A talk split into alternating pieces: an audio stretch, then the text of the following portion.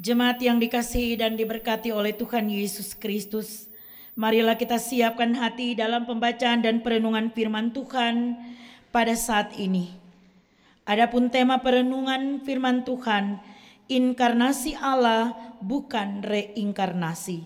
Dan pembacaan Alkitab dalam Yohanes 1 ayat 1 sampai ayatnya yang ke-18. Mari berdoa untuk membaca dan merenungkan firman ini.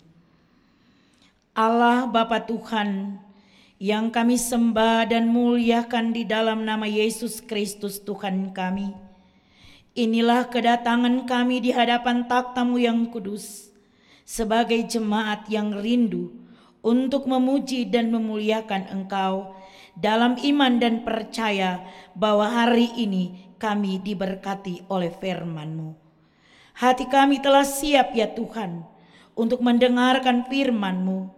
Tetapi kami membutuhkan kuasa-Mu untuk menyertai dan memampukan kami supaya kami berhikmat dengan berdasarkan hikmat sorgawi sehingga pembacaan firman-Mu, perenungan firman-Mu dan ketika kami melakukannya kami dapat melakukan dengan sempurna sesuai dengan kehendak-Mu. Berkatilah hambamu, Ibu Penatua Stella, Sigar laki akan membacakan firmanmu dan berkatilah hambamu ini. Kami tidak punya apa-apa di hadapanmu Tuhan. Kami pun penuh dengan kekurangan. Sebab itulah Tuhan, bungkus kami dengan kuasamu. Supaya yang nampak di hadapan kami adalah engkau sendiri Tuhan. Dan yang berbicara tentang firmanmu adalah engkau Tuhan di dalam roh kudusmu dan jemaat yang akan mendengarkan Tuhan, berikanlah juga hikmatmu. Sehingga firmanmu boleh diterjemahkan dengan baik dalam setiap kehidupan yang akan dijalani. Baik di tengah-tengah keluarga, pekerjaan, dan di setiap kehidupan yang kami jalani Tuhan. Sungguh kami telah siap untuk mendengarkan firman-Mu. Ampuni dosa kami Tuhan, dalam nama Yesus kami sambut firman-Mu ini. Amin. Firman Tuhan terambil dari Injil Yohanes pasal 1 ayatnya yang pertama sampai ayatnya yang ke-18. Firman yang telah menjadi manusia. Pada mulanya adalah firman, firman itu bersama-sama dengan Allah dan firman itu adalah Allah. Ia pada mulanya bersama-sama dengan Allah. Segala sesuatu dijadikan oleh Dia, dan tanpa Dia tidak ada suatu pun yang telah jadi dari segala yang telah dijadikan. Dalam Dia ada hidup, dan hidup itu adalah terang manusia. Terang itu bercahaya di dalam kegelapan, dan kegelapan itu tidak menguasainya datanglah seorang yang diutus Allah, namanya Yohanes. Ia datang sebagai saksi untuk memberi kesaksian tentang terang itu, supaya oleh dia semua orang menjadi percaya. Ia bukan terang itu, tetapi ia harus memberi kesaksian tentang terang itu. Terang yang sesungguhnya yang menerangi setiap orang sedang datang ke dalam dunia. Ia telah ada di dalam dunia dan dunia dijadikan olehnya, tetapi dunia tidak mengenalnya. Ia datang kepada milik kepunyaannya, tetapi orang-orang kepunyaannya itu tidak menerimanya. Tetapi semua orang yang menerimanya diberinya kuasa supaya menjadi anak-anak Allah, yaitu mereka yang percaya dalam namanya Orang-orang yang diperanakan bukan dari darah atau dari daging, bukan pula secara jasmani oleh keinginan seorang laki-laki, melainkan dari Allah. Firman itu telah menjadi manusia dan diam di antara kita, dan kita telah melihat kemuliaannya, yaitu kemuliaan yang diberikan kepadanya sebagai anak tunggal Bapa penuh kasih, karunia, dan kebenaran. Yohanes memberi kesaksian tentang dia dan berseru katanya, Inilah dia yang kumaksudkan ketika aku berkata, kemudian daripadaku akan datang dia yang telah mendahului aku, sebab dia telah ada sebelum aku. Karena dari kepenuhannya kita semua telah menerima kasih karunia demi kasih karunia. Sebab hukum Taurat diberikan oleh manusia, tetapi kasih karunia dan kebenaran datang oleh Yesus Kristus. Tidak seorang pun yang pernah melihat Allah, tetapi anak tunggal Allah yang ada di pangkuan Bapa, dialah yang menyatakannya. Sampai di sini pembacaan firman Tuhan. Berbahagialah setiap orang yang mendengar firman Allah, memelihara dan melakukannya setiap saat dengan penuh sukacita. Amin. Atas nama persekutuan yang beribadah, kami mempersilakan kesaksian pujian dari Ibu Vivian Kabarek.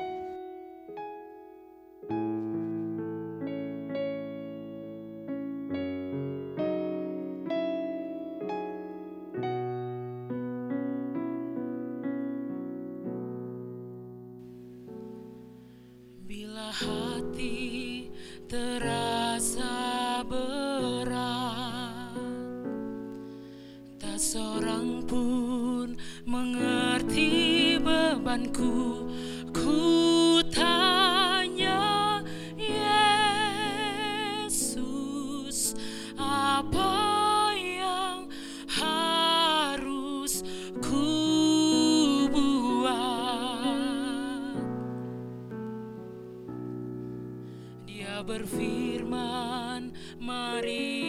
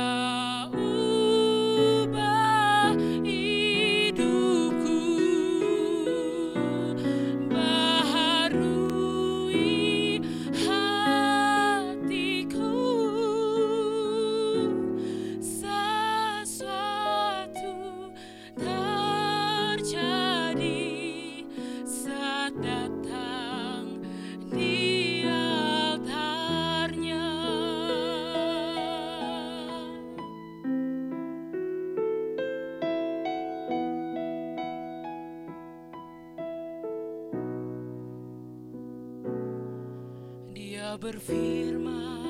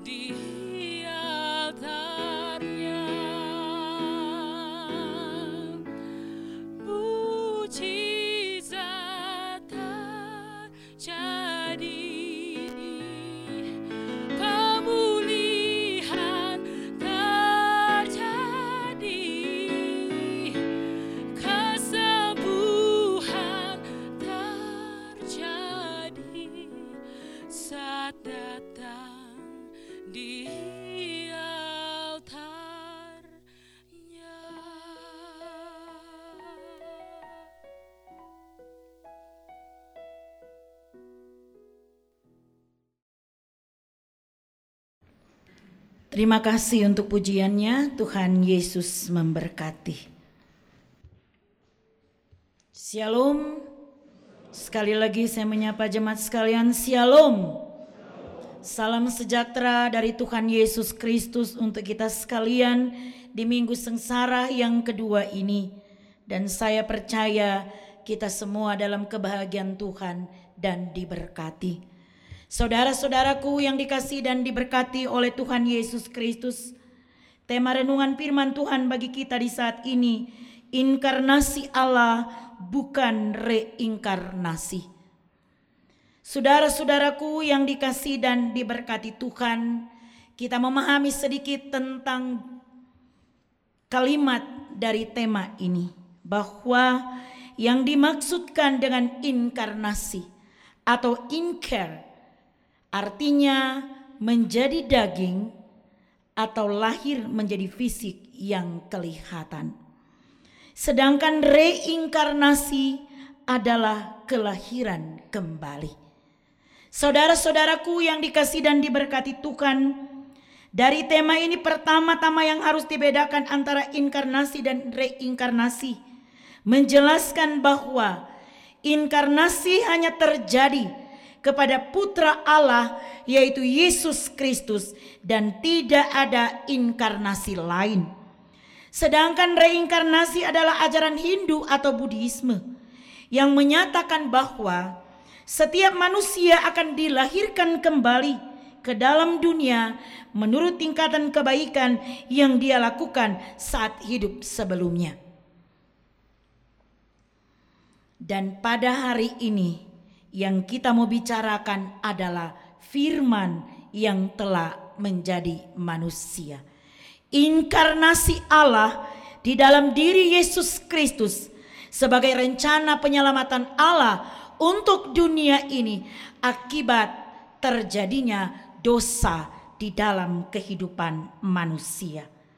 Saudara-saudaraku yang sangat dikasih dan diberkati oleh Tuhan kita Yesus Kristus, dengan tegas Yohanes katakan, firman itu adalah Allah atau firman itu adalah Yesus.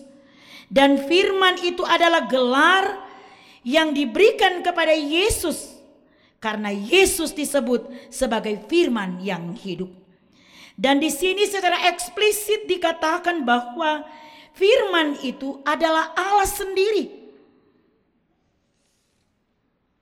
Dan Allah itu adalah Yesus yang menyatakan karya keselamatan di tengah-tengah dunia ini.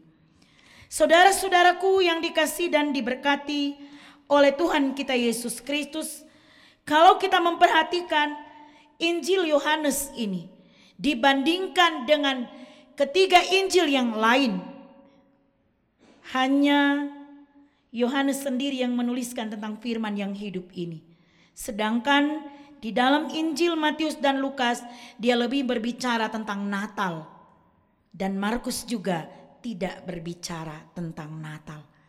Karena itu statement tentang firman yang telah menjadi manusia hanyalah tulisan satu-satunya dari Nabi Yohanes. Dan pertanyaan bagi kita saat ini, siapakah sebenarnya Yesus? Dan karena itu Nabi Yohanes mau menjelaskan secara baik untuk saya dan saudara, untuk orang-orang Yahudi pada waktu itu, bagaimana mengenal figur Yesus yang harus dilihat sebagai inkarnasi Allah di dalam dunia ini. Yohanes 1 ayat 1 sampai 18 menjelaskan bahwa seperti yang saya katakan di awal tadi, Yesus adalah firman yang menjadi manusia. Pada mulanya adalah firman. Hal ini menjelaskan bahwa mula-mula dia menyebutkan firman itu ada bersama-sama dengan Allah. Lalu menyatakan firman tersebut berinkarnasi atau menjelma menjadi manusia dan hidup di tengah-tengah manusia. Kemudian Yohanes juga menyimpulkan bahwa firman yang berinkarnasi itu adalah pribadi ilahi atau status pribadi ilahi itu adalah anak tunggal Allah yang memiliki sifat penuh kasih karunia dan kebenaran. Dan pribadi inilah yang diberitakan oleh Yohanes bahwa keberadaan Yesus sudah ada sejak kekekalan. Dan di sini juga mau menjelaskan bahwa kedudukan Yohanes lebih rendah derajatnya dari Yesus. Saudara-saudaraku yang sangat dikasih dan diberkati Tuhan. Yohanes mau menjelaskan bahwa tugasnya sebagai Yohanes Pembaptis dan hanya sebagai pembuka jalan atau yang menyiapkan jalan datangnya kerajaan Allah melalui figur Yesus. Sedangkan status Yesus adalah anak dari sang pemilik kerajaan Allah. Jadi saudara-saudaraku, menurut Rasul Yohanes, Yesus adalah penyataan atau wahyu yang konkret dari Allah kepada manusia. Ia yang dipenuhi oleh kemuliaan sorgawi, rela menanggalkan semuanya itu untuk menjadi manusia fana. Ia melakukan hal ini supaya ciptaannya mengetahui bahwa ada Allah yang mengasihi dan yang mau menyiapkan jalan keselamatan bagi manusia berdosa. Saudara-saudaraku yang dikasih Tuhan, sebab itu hanya dengan jalan inilah manusia berdosa akan memperoleh kasih karunia dari Allah. Jadi kemungkinan besar atau memang Allah berinkarnasi di dalam putra tunggalnya karena tujuan utama adalah menyelamatkan dunia ini dari dosa dan kehampaan. Saudara-saudaraku yang dikasih dan diberkati oleh Tuhan kita Yesus Kristus, karena itu ada firman yang mengatakan bahwa di luar Yesus tidak ada seorang pun yang dapat atau mendapatkan jalan masuk kepada Bapa di sorga. Saudara-saudaraku yang sangat dikasih dan diberkati oleh Tuhan kita Yesus Kristus. Firman Tuhan ini menjelaskan kepada kita bahwa Yesus bukan sosok yang diciptakan atau dijadikan. Karena Yesus sendiri adalah pencipta segala sesuatu. Dalam kata segala sesuatu yang diciptakan tidak termasuk Yesus karena dia adalah pencipta. Bumi dan alam semesta diciptakan dengan tujuan dan alasan tertentu, bukan karena suatu kebetulan. Karena itu, saudara-saudara, Kristus juga bukan milik bangsa tertentu, tetapi merupakan milik semua bangsa, karena Dia adalah pemilik dari segala sesuatu. Karena Dia adalah pemilik seluruh alam semesta ini maka juga Kristus adalah hakim agung. Dan dunia ini adalah ciptaannya. Saudara-saudaraku yang sangat dikasih dan diberkati oleh Tuhan kita Yesus Kristus. Ada ajaran New Age atau Life Force itu sama dengan Roh Kudus. Dalam ajaran lain garis perbedaan antara penciptaan dan ciptaan dihilangkan sehingga tidak ada perbedaan antara pencipta dan diciptakan. Tetapi ada hanya penjelmaan. Sehingga pencarian terhadap Allah itu bersifat pencarian ke dalam diri atau pribadi sendiri. Misalnya melalui meditasi atau dalam konsep ada peleburan antara penciptaan dan ciptaan dan ada pengosongan diri. Nah saudara-saudara yang dikasih Tuhan bertolak belakang dengan ajaran tersebut bahwa Pengertian meditasi secara Kristen adalah pencarian terhadap Allah itu bersifat pencarian keluar atau penyataan jadilah kehendakmu. Hal ini menjadi dasar pendudukan diri terhadap kehendak Allah dan pengembalian diri kepada Sang Pencipta bahwa ada pencarian terhadap sumber yang sesungguhnya. Ada pengisian diri dengan firman serta pengenalan akan Tuhan. Dan ajaran ini menjelaskan bahwa penciptaan menjelma menjadi sesuatu dan melebur dengan ciptaan ajaran Kristen. Dan ini yang mau dijelaskan oleh Yohanes. Bahwa sesungguhnya inkarnasi Allah di dalam diri Yesus Kristus yang kalau kita perhatikan dalam ayat 1 sampai ayatnya yang ke-11. Bagaimana Yohanes menjelaskan tentang firman ini yang menjadi manusia dikatakan demikian. Saya akan membacakan kepada saudara-saudara. Pada mulanya adalah firman. Firman itu bersama-sama dengan Allah dan firman itu adalah Allah. Ia pada mulanya bersama dengan Allah. Segala sesuatu dijadikan dia dan tanpa dia tidak ada satupun yang telah jadi dari segala yang telah dijadikan. Dalam dia ada hidup dan hidup itu adalah terang manusia. Terang itu bercahaya di dalam kegelapan dan kegelapan itu tidak menguasainya. Datanglah seorang Yohanes yang diutus Allah. Ia datang sebagai saksi untuk memberi kesaksian tentang terang itu, supaya oleh dia semua orang menjadi percaya. Kita perhatikan ayat 8 Yohanes katakan, ia bukan terang itu, tetapi ia harus memberikan kesaksian tentang terang itu. Yohanes mau menyatakan bahwa dia sebenarnya Yohanes bukanlah terang. Dan Yohanes mau memperkenalkan kepada orang Israel pada waktu itu, tetapi juga saya dan saudara yang membaca firman ini untuk mengenal firman yang menjelma yang lahir di dalam diri Yesus Kristus. Dan ayat 9 Yohanes bilang, Terang yang sesungguhnya yang menerangi setiap orang sedang datang ke dalam dunia ini. Ia telah ada di dalam dunia dan dunia dijadikan olehnya, tetapi dunia tidak mengenalnya. Jadi terang itu adalah Yesus. Yesus sedang datang ke dalam dunia, kata Yohanes, tetapi dia tidak dikenal oleh dunia. Kalau kita kembali belajar tentang kehidupan Yesus pada waktu dia mulai dari umur 12 tahun sampai pada saat dia harus mengorbankan diri di atas bukit Golgota, jelas sekali tergambar di sana orang-orang Yahudi sangat menolak dia. Mereka tidak memahami dengan benar dan tidak mengenal bahwa di depan mata mereka itulah Mesias yang sedang mereka cari dan nanti-nantikan. Itulah terang yang sebenarnya. Dan Yohanes ingin supaya mereka memahami ini. Dikatakan juga pada ayatnya yang ke-11.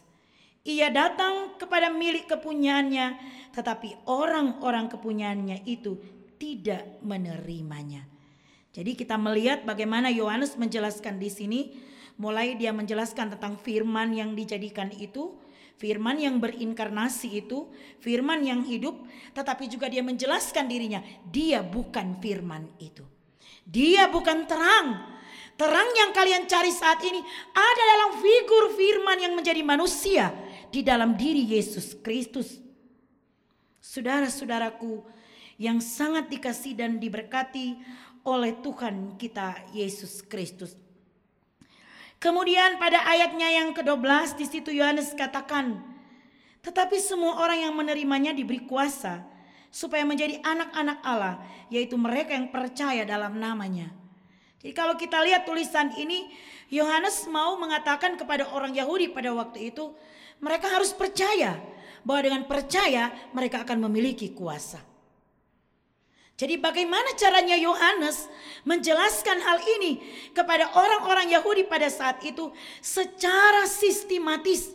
Dia kembali berbicara tentang penciptaan awal dan kemudian penciptaan dalam inkarnasi ini yang harus dilihat sebagai Allah di dalam diri Yesus Kristus yang adalah sang juru selamat itu sendiri.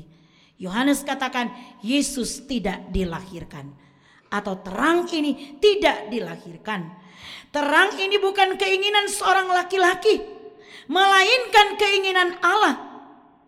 Karena Allah mengasihi dunia ini. Karena Allah tahu dunia ini telah penuh kegelapan dan terang itu wajib untuk dihidupkan di tengah-tengah dunia ini dalam inkarnasi Allah di dalam diri anaknya Yesus Kristus. Saudara-saudaraku yang sangat dikasih dan diberkati Tuhan. Kenapa harus demikian? Kenapa penebusan itu ada dan perlu?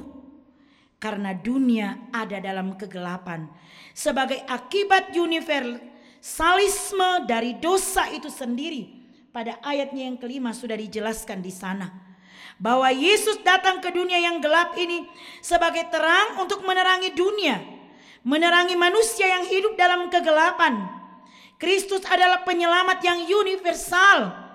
Sehingga setiap orang percaya bukan hanya dilihat sebagai produk atau suatu budaya tertentu tentang kedatangan anak manusia ini.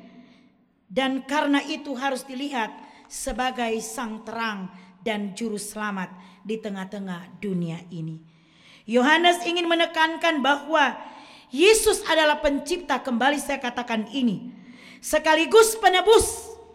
Karena itu, seorang Kristen harusnya memiliki totalitas hidup pada Yesus sebagai pencipta dan penebus. Yang artinya Yesus terlibat dalam seluruh aspek kehidupan manusia. Dan hidup bagi Kristus tidak berarti meninggalkan dunia sekuler dan terlibat hanya dalam hal-hal rohani saja. Jadi kalau kita salah pahami ini, akan banyak muncul orang-orang yang sombong rohani. Yang menampilkan gaya hidup saleh tetapi salah. Yang menampilkan gaya hidup suci tetapi hidupnya tidak demikian. Yang menampilkan hidupnya kudus padahal dia kaskado dalam hidupnya saudara-saudara. Kita tidak boleh salah memahami tentang apa yang diceritakan oleh Yohanes ini. Yohanes ini memperkenalkan dirinya dalam kerendahan. Dia tidak meninggikan dirinya karena dia kenal Yesus. Tetapi dia benar-benar merendahkan diri dan bercerita tentang keagungan dan kemuliaan Yesus dalam inkarnasi ini saudara-saudara. Saudara-saudaraku yang sangat dikasih dan diberkati oleh Tuhan kita Yesus Kristus.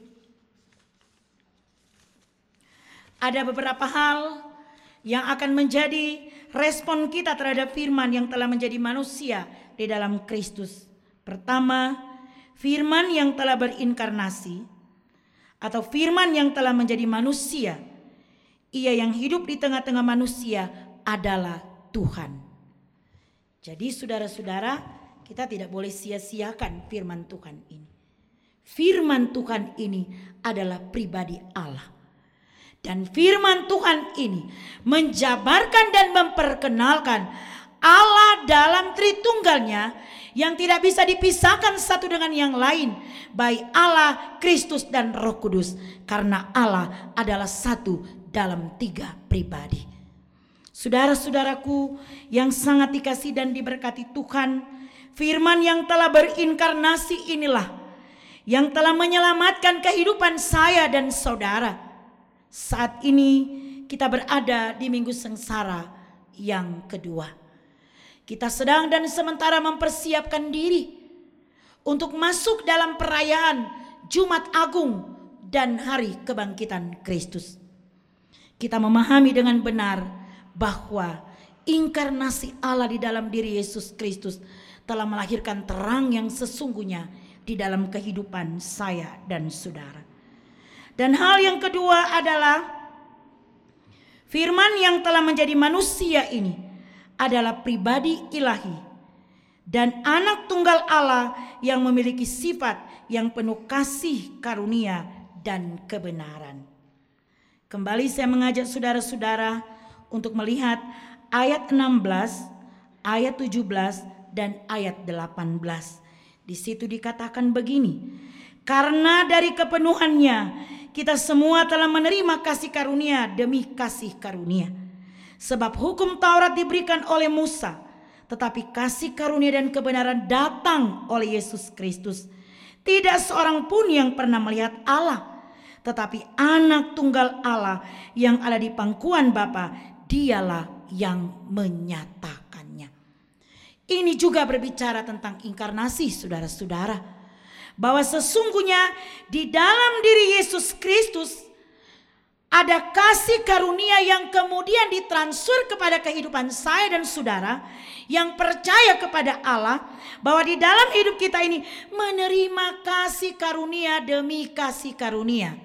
Jadi saudara-saudara bisa artikan bagaimana kasih karunia demi kasih karunia itu ada di dalam hidup saudara-saudara.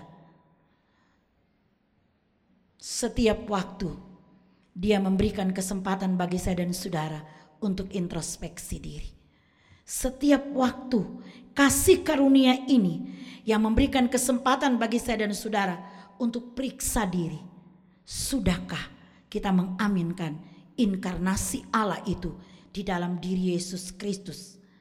Dan sudahkah kita percaya bahwa Yesus Kristus yang adalah anak tunggal Allah rela mengorbankan dirinya bukan sekedar membawa mujizat-mujizat kesembuhan pada zaman itu tetapi juga menebus dosa dan salah di dalam dunia ini. Yohanes membandingkan hukum Taurat yang diberikan Musa yang dilihat oleh orang Yahudi pada zaman itu, hukum Taurat ini adalah tolak ukur keselamatan bagi orang Yahudi. Dan kemudian Yohanes bilang, tetapi kasih karunia dan kebenaran datang oleh Yesus Kristus. Yohanes menjelaskan bahwa dalam hukum Taurat itu tidak ada kasih karunia. Tetapi hukum Taurat itu adalah tatanan untuk mengatur gaya hidup beriman dari orang-orang Yahudi. Namun kasih karunia lahir di dalam diri Yesus Kristus. Dan ayat 18 di situ dikatakan, tidak seorang pun yang pernah melihat Allah, tetapi anak tunggal Allah yang ada di pangkuan Bapa, dialah yang menyatakannya. Menggenapi firman Tuhan yang mengatakan tidak seorang pun yang bisa datang kepada Bapa tanpa melalui Yesus Kristus. Jadi orang ketemu Tuhan Allah bukan bersifat instan. Mari jod orang pergi sorga tetapi bagaimana dalam kehidupan kita kita terus menghidupkan iman kita kepada Kristus yang mati dan bangkit dari antara orang mati dalam inkarnasi Allah menjelaskan dialah terang dunia.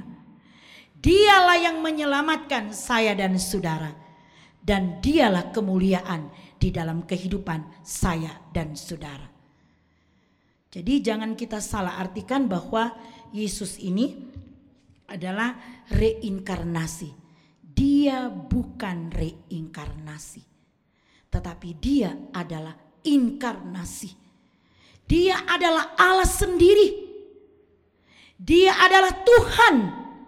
Dia adalah pencipta dan penyelamat di dalam kehidupan saya dan saudara. Saya mau bertanya kepada saudara-saudara saat ini. Apakah saudara-saudara mengenal secara pribadi tentang Yesus Tuhan kita? Atau saudara-saudara masih cari-cari kenal? Karena banyak orang Kristen sekarang yang tersesat ya. Karena mau cari kenal Tuhan, dia pindah gereja sana, pindah gereja sini, cuma karena untuk menyempurnakan cara berpikirnya. Saya mau katakan kepada saudara-saudara, kalau saudara-saudara baca dengan benar Injil Yohanes ini, saudara-saudara akan memahami bahwa Yesus yang kita imani saat ini dan sampai selama-lamanya adalah Tuhan dan Juru Selamat di dalam hidup kita. Ingat saudara-saudara, Yesus adalah Juru Selamat kita. Minggu Sengsara yang kedua ini menjadi momen penting bagi saya dan saudara lewat pembacaan Yohanes 1 ayat 1 sampai ayat 18 yang dijelaskan secara baik oleh Yohanes kita harus benar-benar percayakan diri kepada Yesus Kristus Tuhan kita. Tidak ada Yesus yang lain di dalam dunia ini. Tidak ada inkarnasi lain di dalam dunia ini selain di dalam diri Yesus Kristus. Jadi kalau saudara sudah bertemu dengan orang yang bersaksi, saya ini adalah Yesus yang keberapa. Saya mau katakan kepada saudara-saudara, jangan percaya. Balik kepada firman Tuhan. Jadi kalau kita ditantang karena orang Kristen sekarang ditantang ya dengan kepercayaan kita kepada Yesus. Yang kalau dilihat oleh aliran-aliran agama yang lain, dia diciptakan dan dia masuk dalam barisan nabi-nabi. Tapi dalam dogma Kristen kita, Yesus adalah Tuhan dan Juru Selamat kita. Imanilah Tuhan Yesus. Selalulah ceritakan tentang Yesus dengan bahasa-bahasa yang sederhana kepada orang-orang yang ada di sekitar kita, supaya mereka mengenal Yesus Tuhan kita. Jangan sampai kita kenal Yesus hanya sebatas ibadah ini saja. Dalam ibadah berdoa panggil Tuhan Yesus terus. Tapi ketika keluar dari ibadah tidak pernah memanggil Tuhan. Tetapi enjoy dengan kehidupan yang kita jalani. Kalau dalam agama Buddha dan agama Hindu tadi saya jelaskan reinkarnasi itu dinilai dari perbuatan-perbuatan yang mereka lakukan. Kalau mereka baik padanya mereka akan menerima buah yang baik.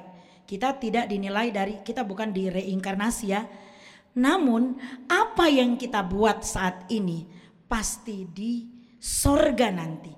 Atau ketika kita berjumpa dengan kedatangan Tuhan Yesus yang kedua. Dia akan memperhitungkan berapa banyak kebaikan yang kita lakukan. Dan berapa banyak dosa yang kita lakukan.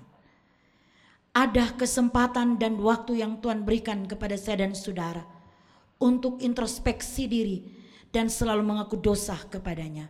Tapi bukan berarti Minggu sengsara kedua ini kita mengaku dosa dan berikutnya kita lakukan dosa. Jangan kita salah mengerti, kan Tuhan penuh kasih karunia, pasti dia ampuni. Tapi saya mau katakan kepada saudara-saudara, pengampunan Tuhan itu bukan secara berulang-ulang dalam hidup saya dan saudara. Kita lihat pengorbanan Yesus di atas bukit Golgota. Dia sudah menebus dosa dan salah kita. Dia tidak akan menebus untuk kedua kali saudara-saudara ketika dia datang ke dalam dunia ini sebagai hakim, bukan sebagai penebus dosa. Dia akan memisahkan mana kambing dan mana domba. Saya tidak menakut-nakuti saudara-saudara, tetapi ini adalah firman Tuhan. Minggu sengsara yang kedua ini mengajak saya dan saudara untuk selalu mau hidup dalam kehendak Allah dan selalu bercerita tentang Tuhan Yesus kita yang adalah juru selamat kehidupan kita. Tuhan memberkati firman-Nya bagi kita dan akan memampukan kita sekalian untuk terus memahami bahwa firman yang telah menjadi manusia adalah Tuhan Yesus itu sendiri dan memberkati kita sekalian. Amin. Mari jemaat Tuhan kita berdoa. Ya Tuhan Allah Bapa kami di dalam nama Tuhan Yesus Kristus. Inilah peribadatan yang sudah kami lakukan dalam penyembahan dan penyerahan diri kepadamu ya Tuhan. Kami bersyukur dan berterima kasih karena waktu yang kau berikan pada kami saat ini membuat kami boleh ada dalam satu persekutuan yang beribadah, baik yang ada di dalam gedung gerejamu ini, tetapi juga yang mengikuti ibadah secara online di barak dan di rumah mereka masing-masing. Tuhan Allah di dalam nama Tuhan Yesus Kristus. Dalam minggu sengsara yang kedua ini, Engkau juga telah memberikan kesempatan bagi kami untuk belajar tentang firman-Mu yang diberikan tema inkarnasi dan bukan reinkarnasi. Kami boleh merenungkan kembali arti panggilan hidup kami ya Tuhan. Dan bahkan dapat memahami arti hidup kami sebagai anak-anak Allah. Dengan memahami akan karya agung Yesus Kristus dalam masa sengsara ini. Tuhan, sesungguhnya segala sesuatu dan diciptakan oleh firman. Dan hanya oleh firman yaitu Yesus Kristus. Kami pun mendapat bagian dalam kehidupan yang kekal yang kau sediakan bagi kami. Kami percaya sekali Tuhan. Karena minggu sengsara kedua ini telah mengantar kami memahami dan mengenal inkarnasimu di dalam Tuhan Yesus Kristus.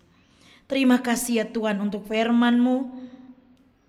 Dalam ibadah ini juga kami bersyukur untuk segala berkat yang Engkau berikan dalam hidup kami, baik kesehatan, pekerjaan, dan kebahagiaan yang kami alami. Semua berkat ini Tuhan kami syukuri di dalam nama Yesus Kristus Yang terus kami percaya bahwa berkatmu ini tidak akan beranjak dari hidup kami. Tetapi engkau oleh kasihmu akan terus memberikan yang terbaik bagi kami. Dan yang terbaik inilah Tuhan yang mengantar kami terus dekat kepadamu. Baik dalam suka maupun duka kami harus bersyukur. Memberi yang terbaik kepadamu. Sehingga di saat ini kami sebagai jemaatmu kami datang memberi persembahan baik yang kami isi dalam kotak persembahan yang ada, tapi juga ada yang secara khusus memberi ucapan syukur dan perpuluhan. Tuhan, berkatilah persembahan jemaatmu yang telah mereka taruhkan di dalam kotak persembahan. Berkatilah hidup mereka ya Tuhan. Dalam setiap apa pun yang mereka jalani, usaha, pekerjaan, ataupun rencana hidup mereka ke depan. Terimalah persembahan jemaatmu yang sudah ditaruhkan di kotak persembahan. Kiranya itu dikuduskan dan disucikan bersama dengan beberapa keluarga yang mengucap syukur. Di antaranya saudari Beverly Yemi, keluarga yang tidak menyebutkan nama karena berkat Tuhan, keluarga yang tidak menyebutkan nama karena berkat Tuhan. Tuhan, inilah ucapan syukur jemaatmu di saat ini. Engkau mengenal mereka di dalam kehidupan yang dijalani. Kiranya mereka diberkati, diberi kesehatan, kekuatan dalam pekerjaan Engkau berkati, dalam kehidupan yang dijalani. Biarlah dengan ucapan syukur ini Tuhan, ketiga saudara kami ini, mereka akan semakin merasakan bagaimana kemuliaan Tuhan dan berkat Tuhan dinyatakan dalam kehidupan saudari Beverly dan dua keluarga yang tidak menyebutkan nama. Perpuluhan telah diberikan oleh jemaatmu Tuhan. Perpuluhan ini adalah wujud mengembalikan hak Tuhan yang Tuhan sudah berikan kepada kami. 10% dari hasil pekerjaan jemaatmu Tuhan telah dinyatakan saat ini.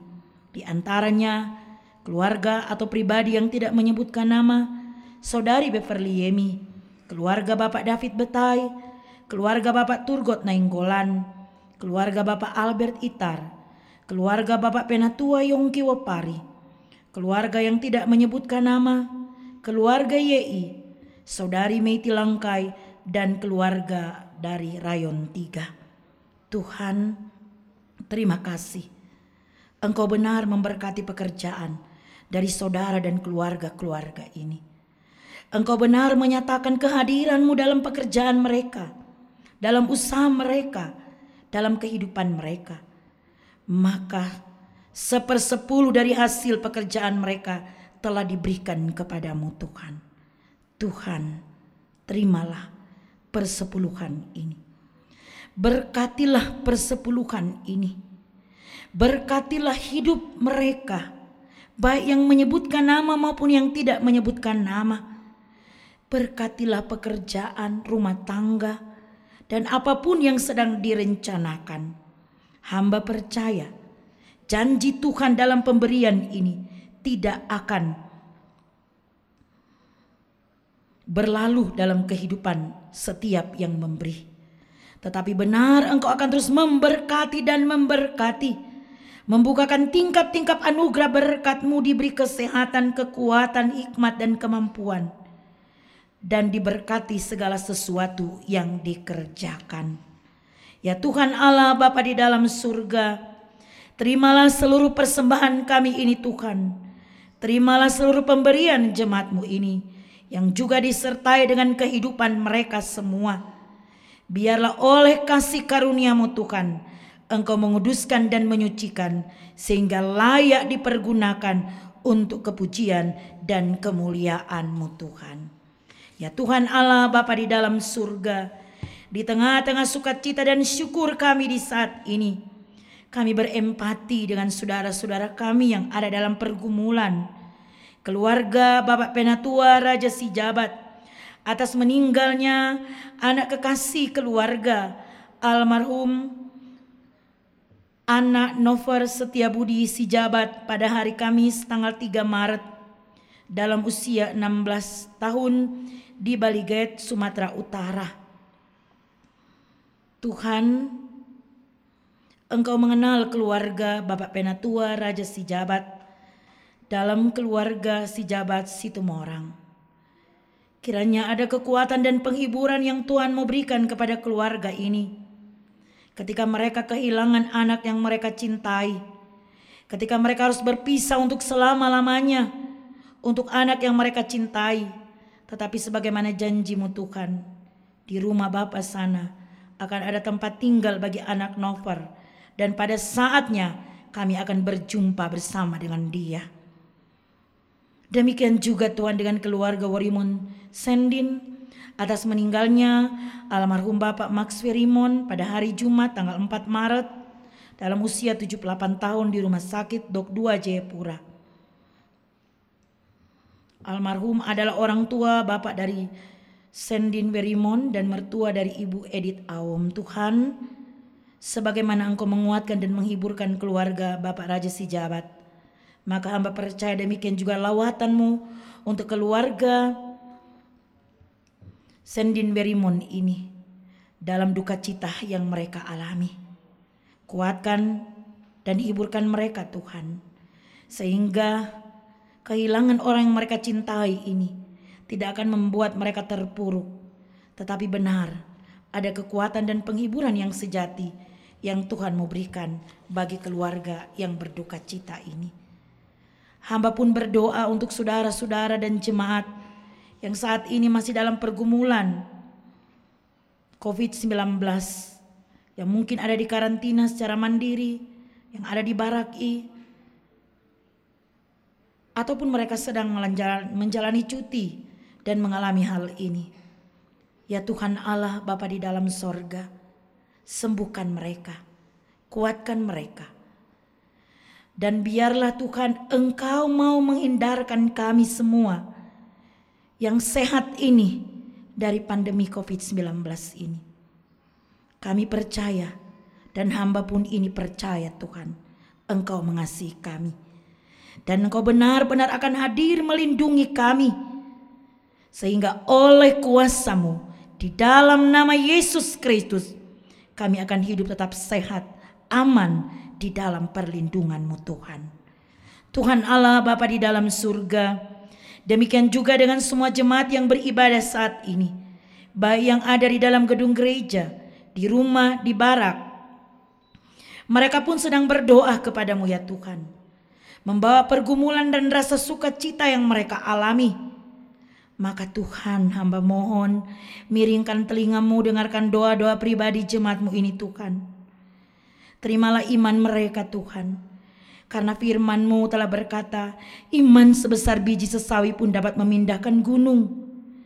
Dan inilah iman dari semua jemaat yang beribadah, yang sedang berdoa dan memohon kepadamu ya Tuhan. Berkatilah jemaatmu. Dalam keadaan sukacita, sempurnakanlah sukacita mereka. Dalam pergumulan mereka, Tuhan berikan jalan keluar, supaya mereka tidak terpuruk dengan pergumulan yang ada. Di dalam mereka sedang merencanakan masa depan mereka, khususnya bagi anak-anak muda. Jemaat GKI Kalvari Tembagapura, baik dalam pekerjaan, di dalam mereka menentukan masa depan mereka mencari pasangan hidup. Tuhan, tuntunlah mereka supaya mereka mendapat jodoh yang seiman dan karena itu menjalani kehidupan dalam kebahagiaanmu Tuhan. Tuhan Allah Bapa di dalam sorga. Seluruh keluarga-keluarga jemaat GKI Kalvari Tembagapura. Tuhan juga memberkati. Sebagai kepala keluarga, sebagai istri, sebagai anak-anak. Tuhan berkatilah keluarga-keluargamu ini. Biarlah dalam kebersamaan hidup mereka, mereka akan selalu mengalami kebahagiaan yang Tuhan anugerahkan di masing-masing keluarga-keluarga jemaatmu ini. Memberkati juga Tuhan para pekerja yang ada di perusahaan. Mereka adalah anggota jemaatmu Tuhan. Tuhan berkatilah karyawan, karyawati, para pimpinan perusahaan yang adalah jemaatmu Tuhan di mana pun mereka berada, ketika mereka bekerja, ketika mereka ada dalam ibadah ini Tuhan, Tuhan berkati mereka. Beri mereka kesehatan, kekuatan, hikmat dan kemampuan. Tuhan memberkati area kerja yang ada, memberi selalu keselamatan di sana. Tuhan melindungi Tembagapura ini dengan kuasamu, supaya kami pun yang tinggal di tempat ini tetap ada dalam perlindunganmu. TNI Polri, medis, perawat, dokter dan pegawai yang ada di rumah sakit Tembagapura. Para pembantu rumah tangga atau asisten rumah tangga. Tuhan memberkati kerja mereka. Apa pun yang diperbuat oleh setiap jemaatmu ini Tuhan, diberkatilah mereka dalam kehendakmu. Bapa kami di dalam sorga, Bapa di dalam nama Tuhan Yesus Kristus, hamba membawa seluruh jemaatmu ini ke dalam tanganmu. Engkau sudah mendengarkan doa mereka Tuhan. Itu hambamu ini yakini. Engkau sedang merancangkan sebuah jawaban yang terbaik untuk jemaatmu ini dan sekiranya oleh kasihmu Tuhan, jadilah oleh kehendakmu. Bapa kami di dalam surga, semua pelayanan yang sudah kami lakukan di siang hari ini, kami serahkan kepadamu. Diberkatilah pelayanan ini Tuhan, dan sempurnakanlah pelayanan kami ini. Berkatilah kami hamba-hambamu, mulai dari pendeta, penatua dan siamas, yang boleh melayanimu di hari minggu sengsara, yang kedua khususnya di pagi hari ini. Memberkati pemain organ, memberkati singer, memberkati tim multimedia dan tim radio suara kasih. Inilah pelayanan kami Tuhan. Kalau Tuhan dapati pelayanan kami ini ada yang tidak baik, ampuni kami dan sempurnakanlah pelayanan kami Tuhan supaya pelayanan ini menjadi berkat untuk jemaatmu tapi lebih dari itu Tuhan untuk kepujian bagi nama Tuhan Allah sendiri. Terpujilah engkau ya Tuhan. Inilah seluruh kehidupan kami. Inilah perjalanan yang akan kami tempuh di sepanjang minggu kerja yang baru. Kiranya oleh kasih karuniamu engkau menuntun kami dan kami boleh mengalami kesuksesan dan keberhasilan serta keselamatan di minggu kerja yang baru. Ampuni dosa dan salah kami Tuhan hanya di dalam nama Tuhan Yesus kami bersyukur dan bermohon. Amin.